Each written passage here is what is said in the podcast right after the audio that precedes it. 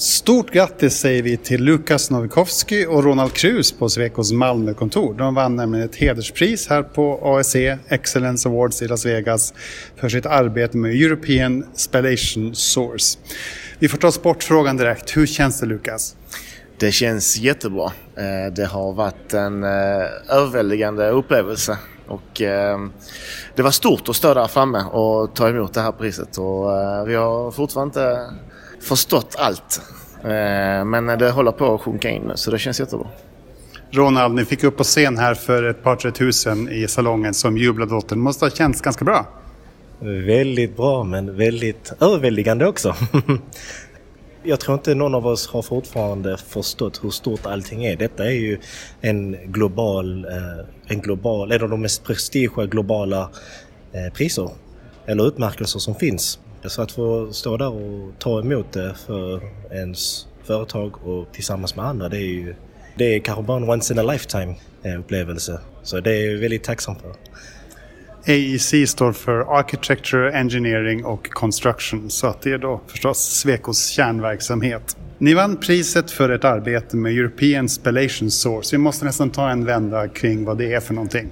European Spallation Source är en uh, tvärvetenskaplig forskningsanläggning och det handlar i grund och botten om eh, neutronforskning. Och eh, det som anläggningen ska göra när det är färdigt det är i stort sett att en eh, neutron skjuts ut och accelererar längs en 400 meter lång tunnel eh, upp till eh, 98 procent av ljusets hastighet. Och sen när den väl träffar target-byggnaden där så spricker den här neutronen upp eller delas, klyvs är väl rätt benämning. Och utifrån det så ska man kunna göra alla möjliga typer av vetenskapliga studier och forskningar.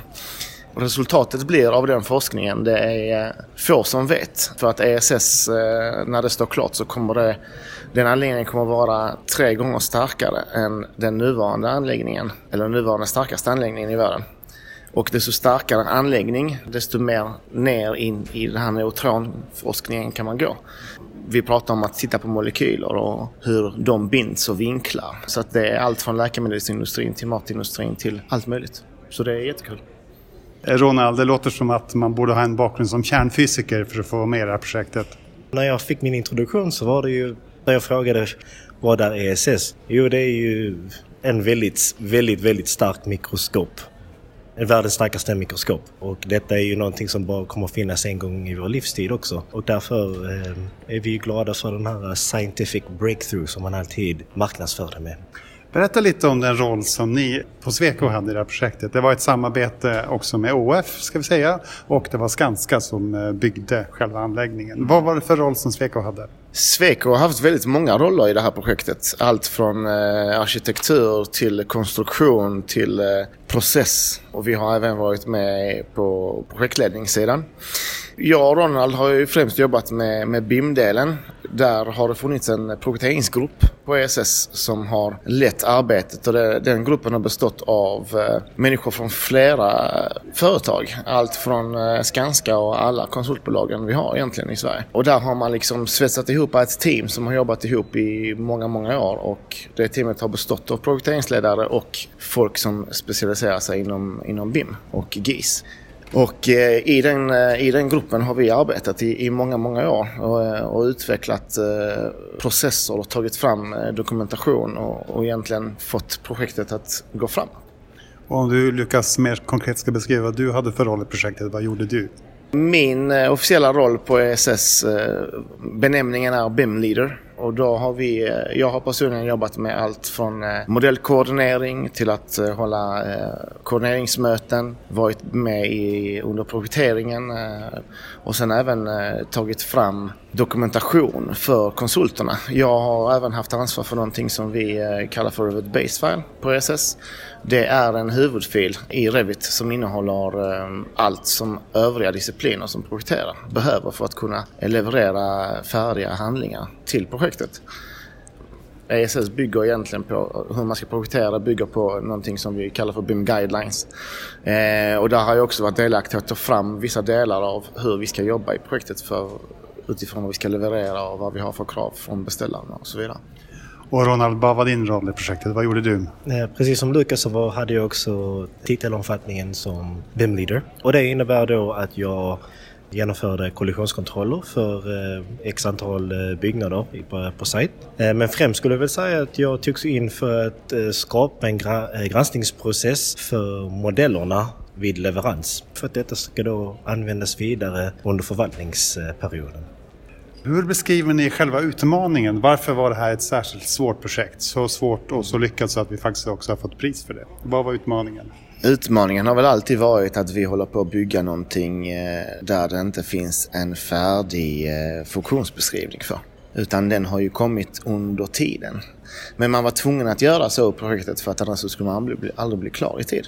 Så att man började bygga utifrån de kraven som fanns och man tolkade dem på bästa sätt. Och utifrån det så skapar man de anvisningarna som alla konsulter fick ut. Det har ju varit en, en utmaning för det har ju förändrats och det har ju också påverkat projekteringen i väldigt stor utsträckning. Sen har vi även haft tillkommande aspekter under projekteringen som har gjort att vi har behövt ta ett omtag på väldigt stora delar och det har ju skett mer än en gång.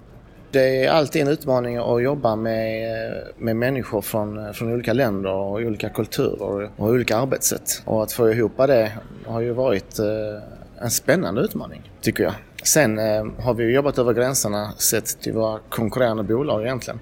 Vi har ju vi har jobbat mot ett och samma gemensamma mål tillsammans med våra konkurrenter egentligen som vi, som vi i vanliga fall konkurrerar mot. Här har vi varit ett och samma team så vi har ju liksom kunnat lyfta varandra på ett sätt som är eh, väldigt ovanligt för, eh, för hur man arbetar i Sverige skulle jag vilja påstå. Det har varit jättekul faktiskt. Ronald, vilka utmaningar tänker du på när du tittar tillbaka?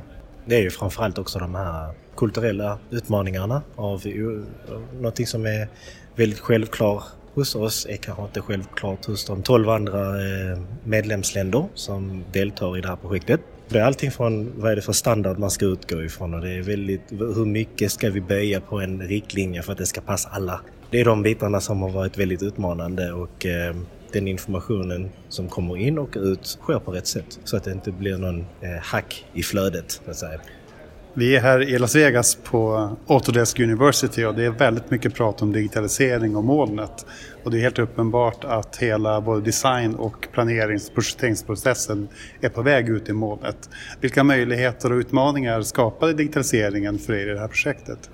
Vi har inte jobbat eh, molnbaserat eh, med ESS eftersom eh, ESS har haft väldigt höga säkerhetskrav och inte tillåtit någon form av moln utan vi har haft ett eget PLM-system som har utvecklats specifikt för ESS.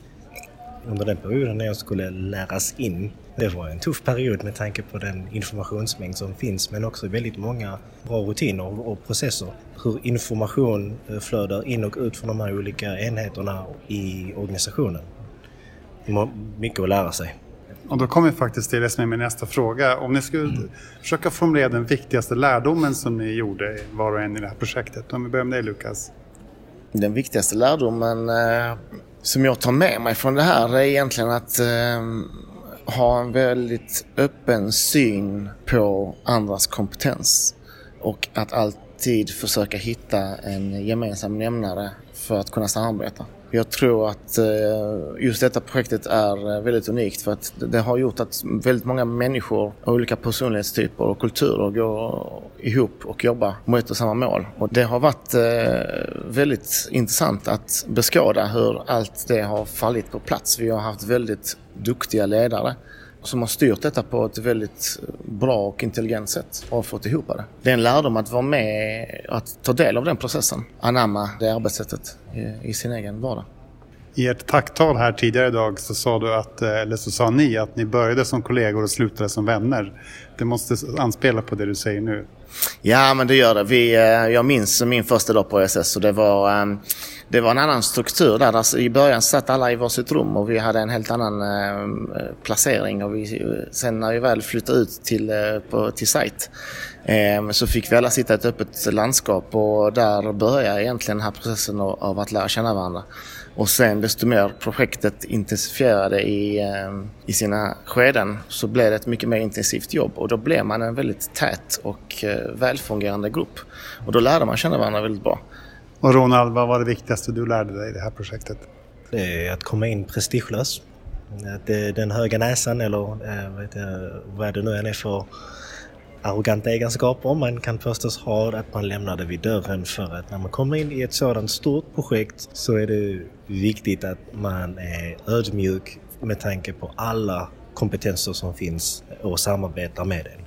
Så att absolut, det var en av de bitarna jag fick lära mig eh, väldigt tidigt för jag insåg att wow, de här är ju jätteduktiga.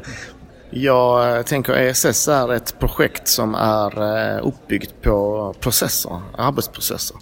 Där eh, det mesta, eh, om inte allt, är, är genomtänkt. Det finns inte någonting man bara släpper igenom eller gör spontant. Sen är det klart att man måste lösa vissa saker på, på kort tid men i början så var det en omställning för många att arbeta på det sättet. Eh, för att det är också någonting som inte är, är jättevanligt för Sverige. Men här har vi väldigt många kontrollsteg och här säkerställer vi att det som kommer ut är av bra och rätt kvalitet. Och det gick ju så bra så att ni faktiskt har fått det här väldigt fina priset, så grattis till det. Tack så mycket. Tack. Eh, jag är lite nyfiken på er väg in i den bransch som ni jobbar i. Om vi börjar med dig den här gången Ronald, vad var det som gjorde att du till slut hamnade på Sweco i den här rollen du är nu? Hur ser din yrkesbana ut? Ja, hur var det nu? Jag jobbade ju som projektör eh, för ett tidigare företag.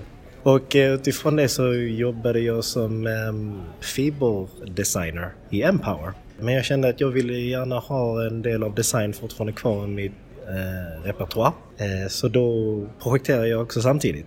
Eh, sen så gjorde jag det i möjligtvis ett år tills jag ansög om en tjänst i Swec Architects i Malmö. Och då eh, gick det jättebra på intervjun och eh, så jag fick ju ansluta mig. Så det var, ja, det var, det var den banan eh, jag gick alltså. Och idag sitter du i smoking och fluga och får ta emot fint pris. Jätteroligt. Och din väg in till det som slutar med den här prisutdelningen idag, Lukas, hur ser den ut? Ehm, min väg började väl på LTH eh, när jag fick min examen inom väg och vatten.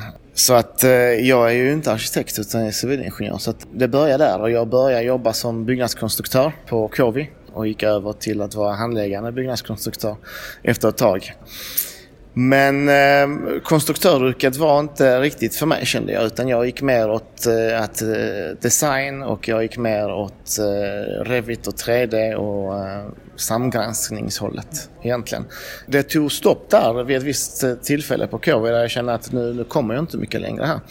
Och eh, timingen egentligen avgjorde att eh, då var det också en tjänst som var ute eh, på Sweco just inom, eh, inom det som vi nu kallar BIM. Och eh, jag ansökte och det gick eh, väldigt bra. Och min eh, första dag på Sweco var även min första dag på ESS. Och sen så har de eh, följt varandra hand i hand.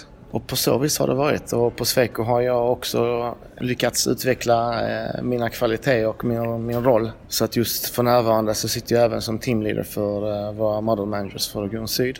Avslutningsvis i den här framtidspodden så försöker vi jobba med en positiv syn på det som ligger framför oss. Om vi skulle mötas igen om ett år, säg någonting som skulle vara lite bättre då än det är idag. Det är svårt att slå idag känner jag. Eh, men det är just bara för att eh, vi har precis eh, genomgått den här upplevelsen. Men ehm, jag tänker väl främst att om ett år så ehm, hoppas jag verkligen att vi har kommit längre i det jag nämnde precis här med hur vi arbetar med våra processer internt.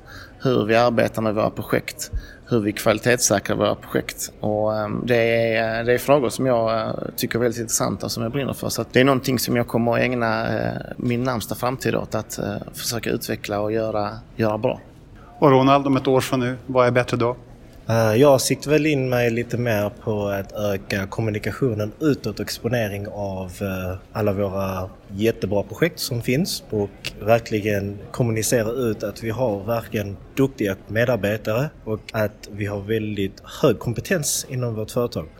Jag önskar bara att man kunde se lite mer av det och att när man väl säger Sweco så vet man direkt ah, det är de som byggde detta. Ah, det var de som grävde detta och gjorde ett fantastiskt jobb ju. Än en gång stort grattis till det här priset, AEC Excellence Awards, till er Lukas Novikowski och Ronald Krutz. Tack så mycket för att ni var med. Tack. Tack så mycket.